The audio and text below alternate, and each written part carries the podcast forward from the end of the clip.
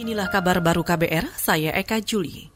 Saudara jaringan bioskop di seluruh Indonesia bakal kembali beroperasi mulai 29 Juli mendatang.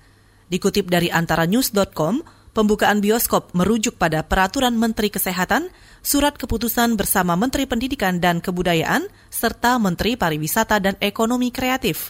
Ketua Gabungan Pengusaha Bioskop Seluruh Indonesia, Joni Syafrudin mengatakan, butuh waktu hingga 2 hingga 3 pekan bagi pelaku usaha untuk menyiapkan penerapan protokol kesehatan di dalam bioskop. Persiapan itu meliputi komunikasi, sosialisasi, hingga edukasi protokol kesehatan di lingkungan karyawan hingga rumah-rumah produksi. Kita ke berita olahraga. Pemain terbaik Indonesia Anthony Sinisuka Ginting bakal membuka laga perdana turnamen internal PBSI sektor tunggal putra yang digelar hari ini di Pelatnas Cipayung, Jakarta Timur. Ginting yang berada di grup E ditantang pemain junior Pelatnas Bobby Setiadi di sesi pagi.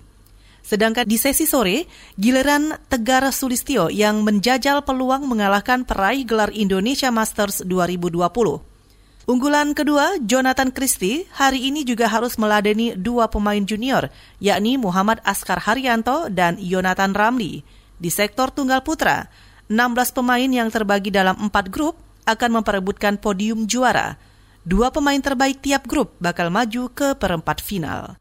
Saudara demikian kabar baru, saya Eka Juli.